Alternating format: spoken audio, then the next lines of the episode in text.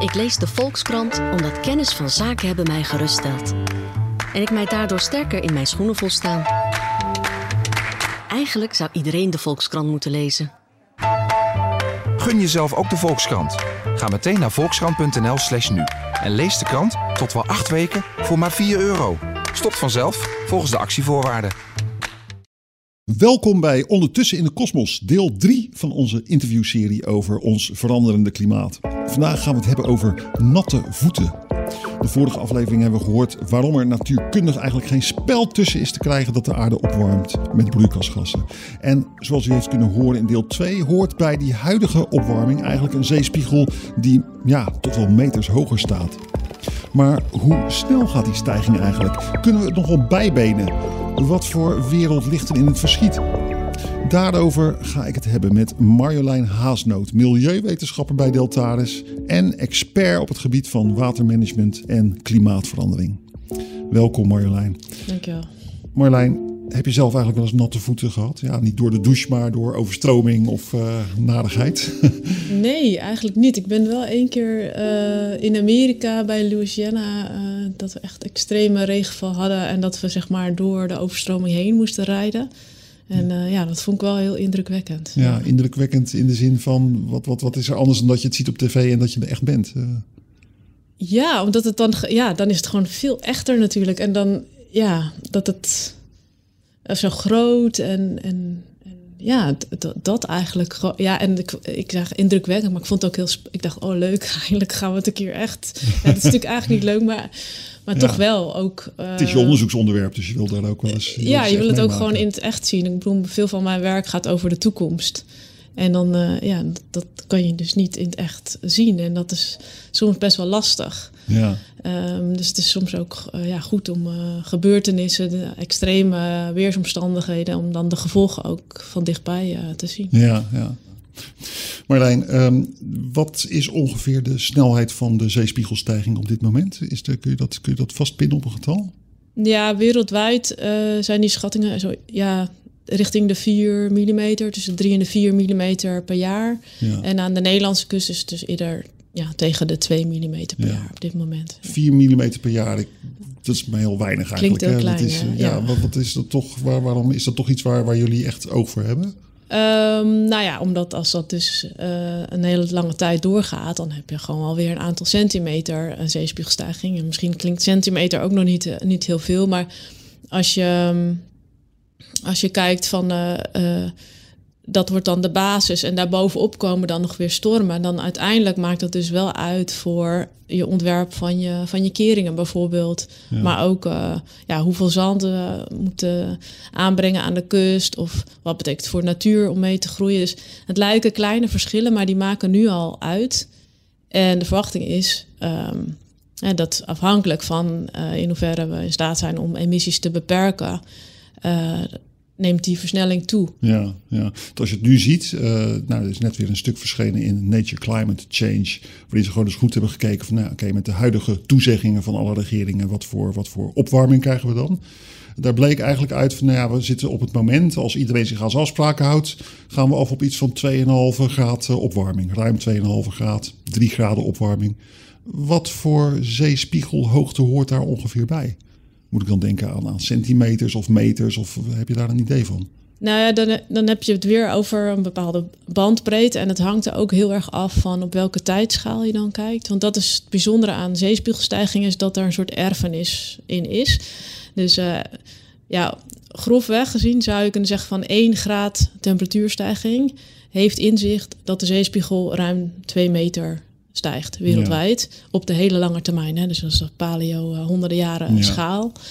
Um, ja, dus dan kan je bij 3 graden ook uitrekenen wat er in het vat uh, zit. Het kan zelfs ik 3 keer 2, 6 meter ongeveer. Ja, nou ja, ja, ja. En misschien en het is 2,3 geloof ik om precies te zijn. Maar ja, en dus um, wat de, het recente IPCC-rapport uh, van werkgroep 1, uh, dat in augustus is uitgekomen, die geeft aan uh, als waarschijnlijke bandbreedte uh, iets tussen de 30 centimeter en 1 meter wereldwijd uh, in 2100. Ja, 2100. Ja, um, met daarbij van ja, dit is de waarschijnlijke bandbreedte. Dus dan zeggen ze ongeveer 66% kans. Dus dan heb je Ja. ook een kans dat het erboven of eronder eh zit. Ehm, en dit keer hebben ze ook voor 2150 ook getallen gegeven en ook nog langer.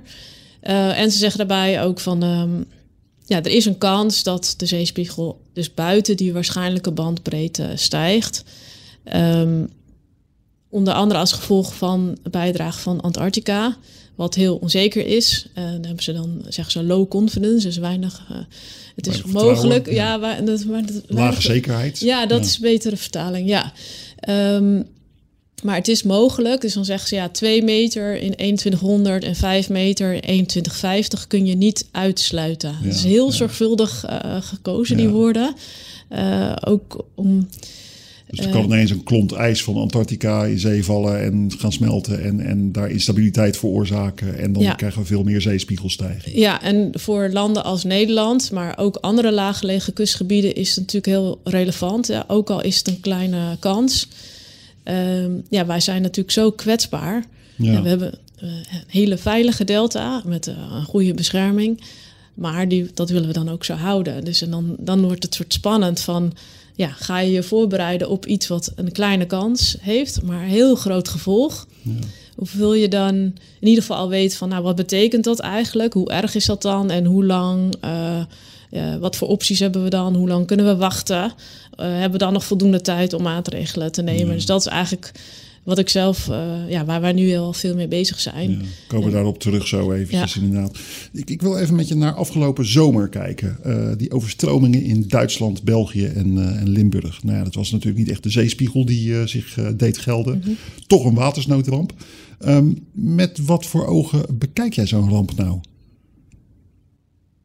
Ehm, nou, ten eerste, eh, ja, als je, dan heb ik het eigenlijk meer over het grotere gebied. Hè, dus niet alleen Nederland, maar ook Duitsland en, eh, en België. Dat, eh, dat er ook gewoon nog heel veel doden zijn gevallen. Hè, en dat gewoon wat de gevolgen eigenlijk zijn van wat de kracht van het water is. Zo, zo ja. Ja. En dat in Europa toch een modern gebied. Ja, ook wij. Rijkenwesten, ook ja, wij, ook wij gaan onder, gevolg ondervinden van klimaatverandering. En, en dat zie je al op meerdere, op meerdere fronten. Onder andere dus met deze extreme neerslag en de gevolgen daarvan. En, en dat je het feit dat we wel een waarschuwingssysteem hebben.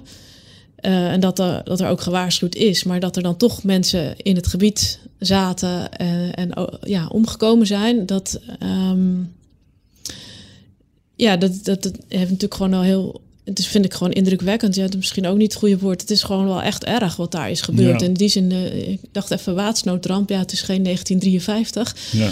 Maar het is voor, zeker als je op, op die schaal eh, voor Europa kijkt, is wel echt een, eh, een ramp. Het kan ook ons Ja. treffen. Ja. Het gekke is, je ziet steeds meer overstromingen, maar je ziet tegelijkertijd ook minder doden door die overstromingen. En, en ik vond eigenlijk ook die watersnoodramp daar in het eh, zuiden des lands ook wel een voorbeeld van. Want je zag in Duitsland dat daar zijn 200 mensen eh, omgekomen. Eh, waarschuwingssystemen deden het niet goed. Waarschuwingen werden wel afgegeven, maar bereikten de bevolking niet. En in Nederland nul doden. En nou ja, internationaal zeggen mensen dan al snel van in Nederland ging het allemaal best wel goed. Ja. Is dat niet ook een teken dat we ons wel degelijk gewoon kunnen aanpassen? Ehm, ja, ik denk eh, dat aanpassen, adaptatie, dat, dat helpt ook. En eh, dat is dus niet alleen eh, van dit, dit event van afgelopen zomer, maar er zijn ook studies geweest die echt wereldwijd hebben gekeken van is het aantal doden toegenomen of afgenomen en, en de relatie met, met, met de extreme weersomstandigheden. En dan zie je inderdaad dat dat is afgenomen. Ehm, en de verklaring die ze daarbij geven is inder- inderdaad die, ehm, ja, die waarschuwingssystemen eh, en de ehm, shelters, eh, dus eh, ja, hoe zeg? Schuilplaatsen. schuilplaatsen inderdaad, die daar ook bij zijn. Ja, ja, ja, ja. Het is wel fascinerend eigenlijk dat mensen zich dus inderdaad wel degelijk gewoon al aanpassen aan klimaatverandering. Ja. ja.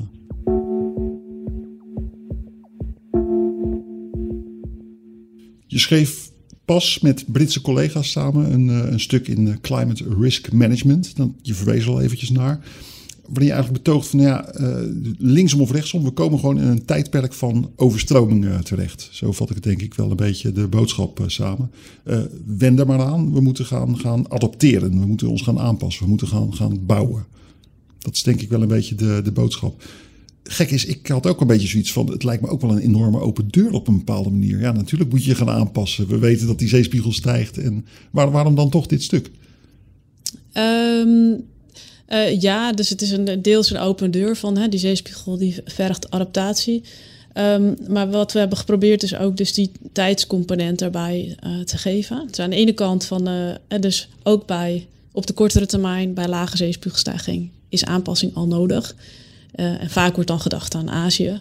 Maar dat, het is niet alleen Azië. Ook in Europa is een grote opgave voor adaptatie nodig.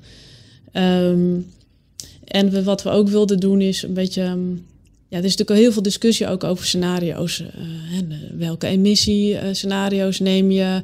Welke zeespiegelstijging precies? En wij probeerden dat even uh, los te maken van die scenario's. Dus te zeggen, nou, bij 15 centimeter zie je dit. Bij 75 centimeter zie je uh, bijvoorbeeld al een verdubbeling van het aantal mensen dat het risico loopt. Nou, dan denk ik, ja, 75 centimeter gaan we sowieso krijgen. Ja, ja, dus dan... Dus even los daarvan. Dus het is eigenlijk een uh, andere manier van presenteren van de gevolgen. Ja. Laten we eens een paar van die conclusies langslopen. Ten eerste, uh, 15 centimeter erbij. Dat is nou ja, zo ongeveer in het jaar 2050, afhankelijk van welk scenario je kiest. 15 centimeter erbij en dan zijn er 1 miljoen mensen uh, die uh, nou ja, zich moeten aanpassen aan een permanent submergence, zoals jullie dat noemen. Permanent ondergelopen zijn. Hoe pas je daarop aan? Kiemen krijgen of zo? Of wat, wat moet ik me daarbij voorstellen? Nou, ja, dat is een goede vraag. dus eigenlijk is dat dat je, je kan drijvend wonen of huis op palen. Of je kan ook terugtrekken natuurlijk uit zo'n ja. gebied. En wij wilden een soort wat is nou het minimum aan effecten waarop je aanpassing uh, nodig is? Toen dachten we, nou, als je nou altijd water hebt, ja, dan moet je je sowieso je wel aanpassen. aanpassen. Ja, dat is duidelijk. Uh, maar de, we wilden daarbij ook zeggen van, ja, uh, eigenlijk al eerder is aanpassing nodig als je gewoon frequente overstroming hebt of als je een extreme overstroming hebt. Dat, dat accepteert ook niet iedereen. Hè? Er zijn landen die veel lager ehm, risiconorm hebben dan, dan bijvoorbeeld in Nederland. Dus daarom hebben we ook gekeken naar uh, eens in de 100 jaar hoeveel mensen dan een risico lopen. Ja, ja, ja, dat is inderdaad een beetje de tweede conclusie die daaruit kwam. Uh, eh, 83 miljoen mensen komen in gevaar voor een acute ramp met een risico van eens in de 100 jaar. Maar in 15 centimeter water op zich kun je natuurlijk helemaal niet verdrinken. Dus ik vraag me af, wat, wat zijn dat dan voor uh, acute rampen? Waar, waar moet ik dan aan denken? Concreet? Ja, nou, het zit dus iets genuanceerder in de zin dat je die zeespiegelstijging is dan de basis. Daarbovenop komt de storm. En, en dat nemen we dus allemaal mee. Uh, en dan nemen we de huidige bescherming mee. Uh, en als je dus nou net pech hebt dat je bescherming, dat het dan net er overheen gaat, ja, dan heb je dus ineens heel veel water. We hebben niet uitgerekend hoeveel water er precies, uh, of ja, volgens mij hebben we dat wel uitgerekend, maar hebben we niet verder geanalyseerd. Dus we hebben alleen maar gezegd van uh, het is overstroomd of niet. Ja. Maar het is niet per se 15 centimeter. Het komt doordat er 15 centimeter plus een storm hè, van eens in 100 jaar. En dan gaat het over de bescherming die er op dat moment zit. En sommige plekken is er geen bescherming. En dan krijg je een overstroming. En dat kan een ondiepe overstroming zijn. Dan ga je niet dood, maar het kan ook een hele diepe overstroming zijn. Zijn het altijd stormen waar ik aan moet denken? Of zijn er ook andere redenen waardoor het ineens een ramp kan worden? Um, nou, in dit geval hebben we dus naar extreme situaties gekeken. Dus dan is het inderdaad meer die, uh, die stormen. Uh, maar er kan natuurlijk ook een, op een andere manier een ramp uh, gebeuren. Um, hè, dus als je, als je keringen niet, niet meer werken, hè, dus dat hebben we ook gezien dat dat af en toe kan gebeuren. Ja, ja. Zeg, aanpassingen heb je het ook over. Je, je, jullie zeggen eigenlijk in dat stuk: we moeten bouwen, we moeten aanpassen, we moeten adapteren, zoals het dan heet met een moeilijk woord. Nou ja, weggaan uh, noemde je al even als één mogelijkheid. Uh, drijvend gaan, gaan, gaan wonen, dus in een boot gaan wonen. um, wat zijn er eigenlijk nog meer voor mogelijkheden? Ja, je kunt dijken bouwen, maar wat, wat heb je nog meer op, uh, op het gebied van adaptatie? Ja, als je het hebt over aanpassen aan klimaatverandering of dan zeespiegelstijging in dit geval in specifiek, dan is het algemeen beschermen. Dat is wat heel veel steden doen, ook wat hun plannen zijn. Dus dat zijn keringen, dijken, uh, vooroevers, uh, zorgen dat het water niet op het land komt eigenlijk. Eh, de andere um, aanpassing is eigenlijk dat je jezelf minder kwetsbaar uh, maakt. Dus dat zijn huizen op palen of drijvend. Uh, evacuatieplannen. Um, of je trekt je weg uit, uit het risicovolle gebied. Um, en dan een bijzondere vorm van beschermen is eigenlijk zeewaarts gaan, waarbij je eigenlijk een nieuwe kustlijn maakt die hoger ligt en het land weer beschermt. Ja, ja, ja. En, en jullie waarschuwen echt in dat stuk van, nou ja, dat doen we te weinig op dit moment. Um, ja, nou, we hebben bijvoorbeeld voor Europa hebben we wel eens gekeken van wat zijn de plannen die landen hebben om zich aan te passen aan zeespiegelstijging. En dan zie je dat uh, driekwart van Europa wel een plan heeft. Maar een, een, een driekwart van Europa met een kustlijn en met mensen die kwetsbaar, die daar wonen, zeg maar, die, die hebben dus een plan en, en een ander deel niet. Hm. En dan van de landen die een plan hebben, is daar ook heel veel verschil tussen. Hè? Dus sommige bereiden zich voor uh, op een paar, uh, ja, zeg maar meer uh, tientallen centimeter zeespiegelstijging en andere op meer richting de meters. Ja, dus je wil daar meer lijn in krijgen eigenlijk. Um, ja, ik, als wetenschapper heb ik daar niet per se een oordeel over. Maar ik, het valt me wel op dat dat verschil er is. En op termijn kan dat natuurlijk wel tot verschillen leiden. En als je kijkt naar welke landen dat dan ongeveer zijn, dan zie je zeg maar dat Nederland, uh, België, Duitsland, Frankrijk uh, en Engeland, ja, die zijn heel kwetsbaar. Die, die bereiden zich ook echt voor, ook op hoge zeespiegelstijging. Uh, Frankrijk trouwens echt wat minder. Maar andere landen zoals ja, Polen, die, maar in het Middellandse Zeegebied, daar zitten ook heel kwetsbare gebieden bij. En die bereiden zich wat minder voor op, op lagere zeespiegelstijging. En nou, dat zijn nou ook net de regio's die en ook heel veel droogte te verstouwen krijgen. En ook daar is het moeilijk om aan te passen. omdat je je kan water uh, opvangen en bewaren. Je kan water hergebruiken. Maar als er geen water valt, ja, dan, dan valt er niet zoveel op aan te passen. Behalve dan ja, weggaan of zo. Dus dat is, dan zie je wel een ongelijkheid in voorbereiding en ongelijkheid in uh, gevolgen. Zelfs al binnen Europa. Ja, noem eens een voorbeeldje. Welk land is nou echt nou ja, kampioen slecht voorbereiden, zal ik maar zeggen, bij de Middellandse Zee? Nou, ik, ik zou niet, uh, ja, ik weet niet of ik dat nou wil, wil zeggen, maar ik, ik bedoel, je, je hebt zeg maar plekken in Italië die wel echt heel, heel kwetsbaar zijn. Ja. Um, en dan ze hebben natuurlijk, we hebben het Venetië wel, uh, die uh, Venice dan de Moos Barrier gemaakt, maar die, ja, hebben ze heel lang over gedaan om dat te bouwen. Wat, um, maar de levensduur nu nog is, is, is dan weer um, nou, afhankelijk van in hoeverre we klimaatverandering beperken. Is, is dan is die levensduur redelijk voor zo'n investering, voor zo'n structure eigenlijk best wel uh, beperkt. Ja, ja, ja. Want die levensduur is volgens mij 30 jaar, zeg ik uit mijn hoofd. Zo ja, dat hangt er dus af van wat je erg vindt. Uh, in ieder geval gaat die vaker dicht. Ja. Um, ja, en dat heeft natuurlijk invloed op de, op de natuur in dat gebied en in de lagoon. Maar ook op de bevaarbaarheid. Ja. Dus dan krijg je dat, is die schepen buiten die kering. En dan moet je met kleine bootjes daarheen. Ja, ja. ja dat op zich is dan ja, is mee te leven misschien, maar het was niet echt het idee. En we denken altijd meteen aan Venetië als je denkt Italië en water. Maar ik kan me voorstellen, Milaan, uh, wat heb je nog meer voor, voor steden daar? Die misschien ook problemen krijgen? Ja, er zijn ook wel papers die daarna hebben gekeken. Dus je hebt daar heel veel zandige kust en veel laaggelegen kust. Dus je hebt weinig uh, stormen. Dus um, ze hebben ook weinig ervaring met hoog water. En daardoor uh, ja, er zijn er ook weinig maatregelen gedaan. Er zijn wel, ze hebben bijvoorbeeld meer uh, maatregelen gedaan ook over, uh, dat noem je um, no-build zones, dat je eigenlijk niet mag bouwen. Dus dat is daar is ook uh, ja, een, richtlijn voor, of een, afspraak voor dat je bepaalde regio's, zeg maar, um, niet binnen 100 meter of 200 meter van de kust mag bouwen. Ja.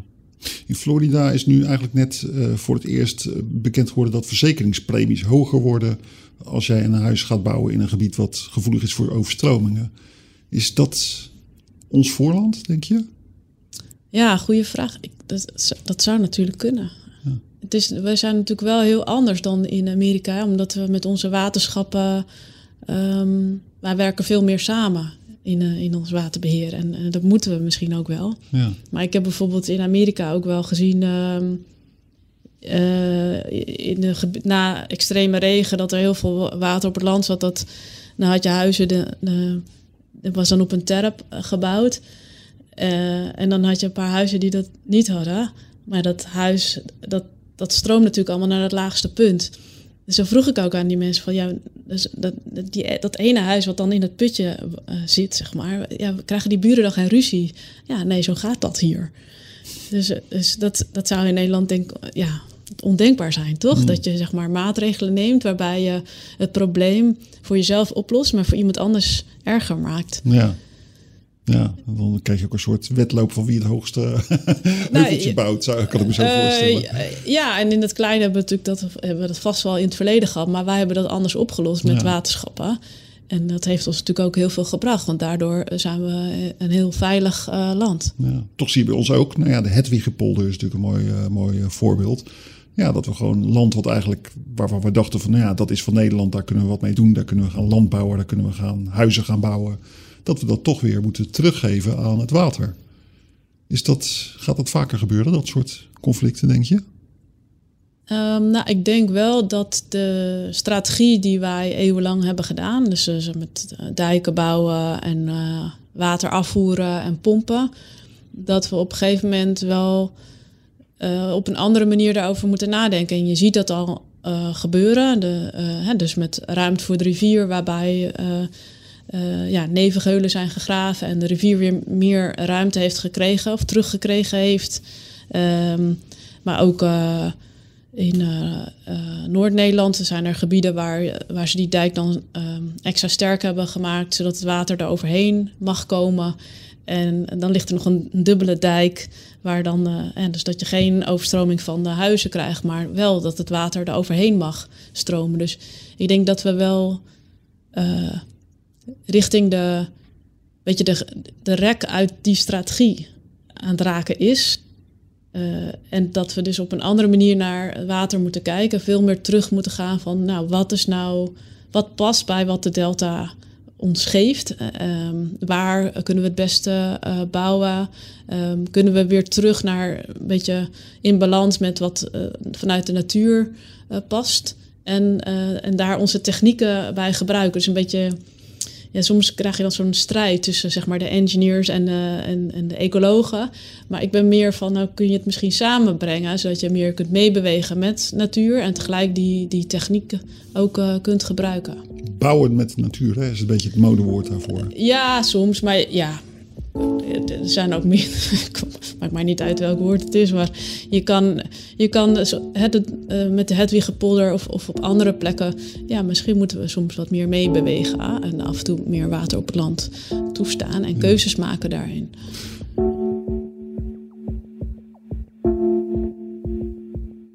Marjolein, naar het eind toe waag jij je eens aan een toekomstblik.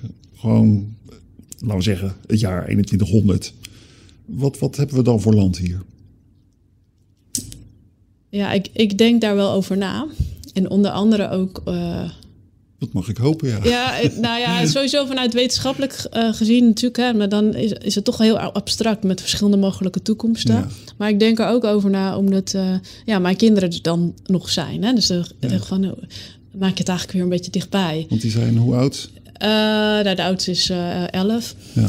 Dus eh, die is er dan nog wel, hoop ik. Ja. ja. Ehm, en dan hoop ik dat, eh, ja, dat we er dus toe in staat zijn om eh, klimaatverandering te beperken. En dat een van de lage emissiescenario's werkelijkheid wordt. ja, maar dat is wel het allersaaiste antwoord wat ik ooit heb gehoord. Is dat juist? nou ja, het kan, dat, dat, kijk, ik kan natuurlijk geen één toekomst geven. Hè? Dus, want wij kijken altijd naar verschillende toekomsten. Dus dat is wat ik hoop. Ehm, en eh, ja, dan eh, gaan we een beetje door met wat we al hebben gedaan. Ehm, maar ja, wat, ik, eh, wat, wat ook kan gebeuren is dat we, dat, dat, dat we er niet toe in staat zijn om klimaatverandering te beperken. En dat we dus veel zeespiegelstijging krijgen. Ja. En extreem weer en droogte en hogere afvoeren van de rivieren. Maar mijn vraag is echt van, van, van oké, het kan meezitten, het kan tegenzitten. Maar wat verwacht je? Stel, we gaan inderdaad over die drie graden. Nou, wat hebben we dan voor land hier nog? Moeten we dan steden verlaten? Eh, hebben we dan ondergelopen polders? Hebben we drijvende steden? Hoe zie je dat voor je? Neem eens mee naar dat Nederland van de toekomst. Ja, ik denk Nederland gaat op de schop. Het wordt gewoon helemaal anders. We hebben zoveel opgaven nu met die energietransitie, met biodiversiteit, met het aantal woningen wat we hebben en dan adaptatie. Ehm, dus ja, het, ja, misschien zit daar innovatie in met drijvende uh, woonwijken. Hè? Dus je, in het klein heb je al dingen in Amsterdam. Ehm, maar ik denk dat er ook wel in zit dat we voor een deel meer ruimte moeten geven aan de rivieren. Het zit bijna in alle scenario's dat dat uiteindelijk, uiteindelijk misschien niet 2100, misschien daarna nog meer nodig is. Meer ruimte voor de rivieren, meer slingers in de rivier, uh, wijdere uitlopen. Ja, en voor een deel ook meer gaan pompen. En uh, meer zandsuppletie, dat zie ik dan ook voor me. Want we gaan die duinen natuurlijk ook niet opgeven, dus die moeten we onderhouden. Dus ja, dan uh, krijg je heel veel van die baggerschepen voor de kust. Mm en, en steden, moeten we op een gegeven moment bereiken het punt dat we dan moeten zeggen van nou ja, Gouda, uh, Amsterdam, nou ja, dat moeten we opgeven of zo? Of, of hoe zie je dat? Nou, dat is wel, dat is, dat is, dat is een, heel, heel moeilijk. in, want je ziet natuurlijk daar nu al uh, problemen uh, met bodemdaling. Uh, ja. ja, bij Gouda is vooral het probleem dat de bodem inklinkt. Amsterdam ook hè, eigenlijk. Um, ja, maar voor, vooral in Gouda. En daar heb je natuurlijk ook dat het en een heel laag gebied is. Um, ja, een soort Venetië van, van Nederland, zou je bijna kunnen zeggen. Ja. Uh, ja, het klassieke beeld is een beetje van, oh ja, Nederland loopt onder water met de zee en dan ligt Amersfoort ligt aan de kust en de Waddeneilanden bestaan niet meer. Is dat ook een beetje waar jij aan denkt? Of? Nee, want dat gaat ervan uit dat er geen aanpassing plaatsvindt. En, en dat denk ik, ja, dat gaan wij niet doen. Wij gaan van alles doen. Um, maar ik denk wel dat Nederland er heel anders uit gaat zien daardoor. Maar wat het dan precies wordt, um, ja, dat weet ik natuurlijk ook niet. Maar er zijn natuurlijk mogelijkheden dat je inderdaad meer ruimte geeft aan water uh, vanuit de rivieren, maar ook in echt in laaggelegen gebieden. En dat je zegt, nou, ik, uh, ik bescherm wel bepaalde woonkernen. In andere gebieden moet je op aangepast uh, wonen. En wellicht is er meer in, in Hoog-Nederland. Maar er zijn ook ideeën over um, dus meer zeewaarts gaan, waarbij je dus die nieuwe kustlijn maakt. En dat je ja, uh, een hogere soort waddeneilanden, maar dan voor de, voor de Hollandse kust uh, maakt waar je gaat wonen. Um, dus ja, dat zijn ook uh, opties voor de hele lange termijn bij hoge zeespiegelstijging. Bekijk het maar, zeespiegel, wij, wij komen eraan. Wij gaan, wij gaan zelf wel eventjes die, die zee een, een lesje leren. ja, en dat is niet makkelijk ook hoor. Want het, aan de ene kant denk je dan van oké, dan kunnen we de rest van Nederland zelf houden. Maar zelfs dan hè, komt onder, via de ondergrond komt uh, zoutwater uh, binnen. Dat, dat gebeurt sowieso, dat is een, een kwestie van tijd. Dus qua landbouw heeft dat gevolgen. Um, We moeten lamsoorden gaan verbouwen in plaats van, van zoetwatergewassen. op sommige plekken, dus lang, langs wat nu de kust is. en um, een andere uitdaging is, is de rivier. Hè? Dus zeg maar niet alleen de zee, maar via de achterdeur hebben we de rivieren die, die binnenstromen. En als je doorgaat met beschermen, eh, zelfs met zeewaarts, dan heb je, moet je ook iets met die rivieren. En nu pompen we natuurlijk deels al water eruit. En bij de afsluitdijk worden grote pompen gebouwd ook. Um, maar dan moet je dus de Rijn en de Maas ook eruit gaan pompen. En dus dat is een hele andere orde grootte. Dus hmm. wat we ook kiezen, Nederland wordt anders. Ten slotte, we hebben net de coronacrisis gehad. Daaruit bleek eigenlijk van ja, dat was ook zoiets waar wetenschappers zoals jij, maar dan wel virologen, al heel lang tegen waarschuwden. En nou ja, die waarschuwingen kwamen niet echt aan. En toen was er opeens die coronacrisis. Toen was er opeens een pandemie. En uh, was opeens een nieuw virus. Wat geeft jou het vertrouwen dat jouw oproep om rustig aan, alvast te gaan investeren, dat die wel wordt gehoord? Dat we dat wel gaan doen? Um, nou, wat ik probeer als wetenschapper is in ieder geval te laten zien wat er mogelijk kan gebeuren. En ik probeer daarbij ook te zeggen van nou, er zijn ook oplossingen voor. En als je dat opbreekt in, ja, ik noem dat adaptatiepaden, dus verschillende stappen om je aan te passen. En als je dan laat zien uh, wat er mogelijk is en hoeveel tijd je dan hebt voor bepaalde beslissingen, dan ja, zie ik in ieder geval zelf al wel dat er inzicht ontstaat van oké, um, zoveel tijd kunnen we nog wachten, maar voor sommige beslissingen kunnen we beter nu al naar die klimaatadaptatie kijken. Ehm, en als je het behapbaar maakt, zeg maar in die kleine stappen, dan helpt het ook met het versnellen van adaptatie. Dan is het niet één groot ding in 2100, maar het is gewoon een weg ernaartoe die we kunnen bewandelen. En die uh, voor een deel bestaat uit, uit maatregelen die, ja, dan zeg je dan geen spijtmaatregelen, die zijn sowieso goed. Dus dat in ieder geval. Ja, geen denk, spijtmaatregelen? Ja. Wat, geen, wat, zijn dat? Nou, dat zijn maatregelen waar je, um, die onder heel veel mogelijke toekomsten uh, werkzaam zijn.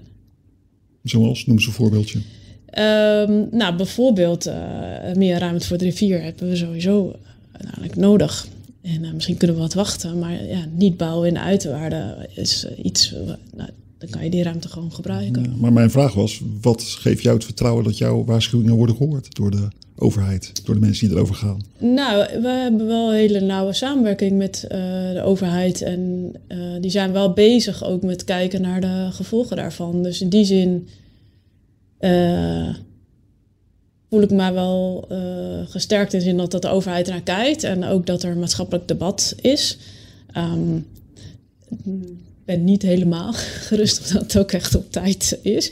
Want je ziet ook dat zeg maar, het echt uh, implementeren van maatregelen, dat er dan natuurlijk ook allerlei andere belangen uh, spelen. En dat dat nog niet uh, helemaal van de grond af komt. En als je kijkt naar onze emissiedoelstellingen en acties, dan zie je ook niet hè, dat dat voldoende van de grond afkomt. Wat natuurlijk heel bijzonder is voor een land als Nederland. Want als wij als we Parijs niet halen, dan wordt adaptatie op de lange, lange termijn wel heel moeilijk voor Nederland. Hebben we niet gewoon nog een knettergrote ramp nodig? Zoals de, de Delta-werken pas in beeld kwamen op het moment dat uh, heel Zeeland uh, de watersnoodramp kreeg? Ja, dat zou helpen. Maar ik hoop dat we dat niet meer nodig hebben. En dat we met zeg maar, de scenario's en de, de modellen die we hebben, dat we, en die wetenschap, die kennis, die is er.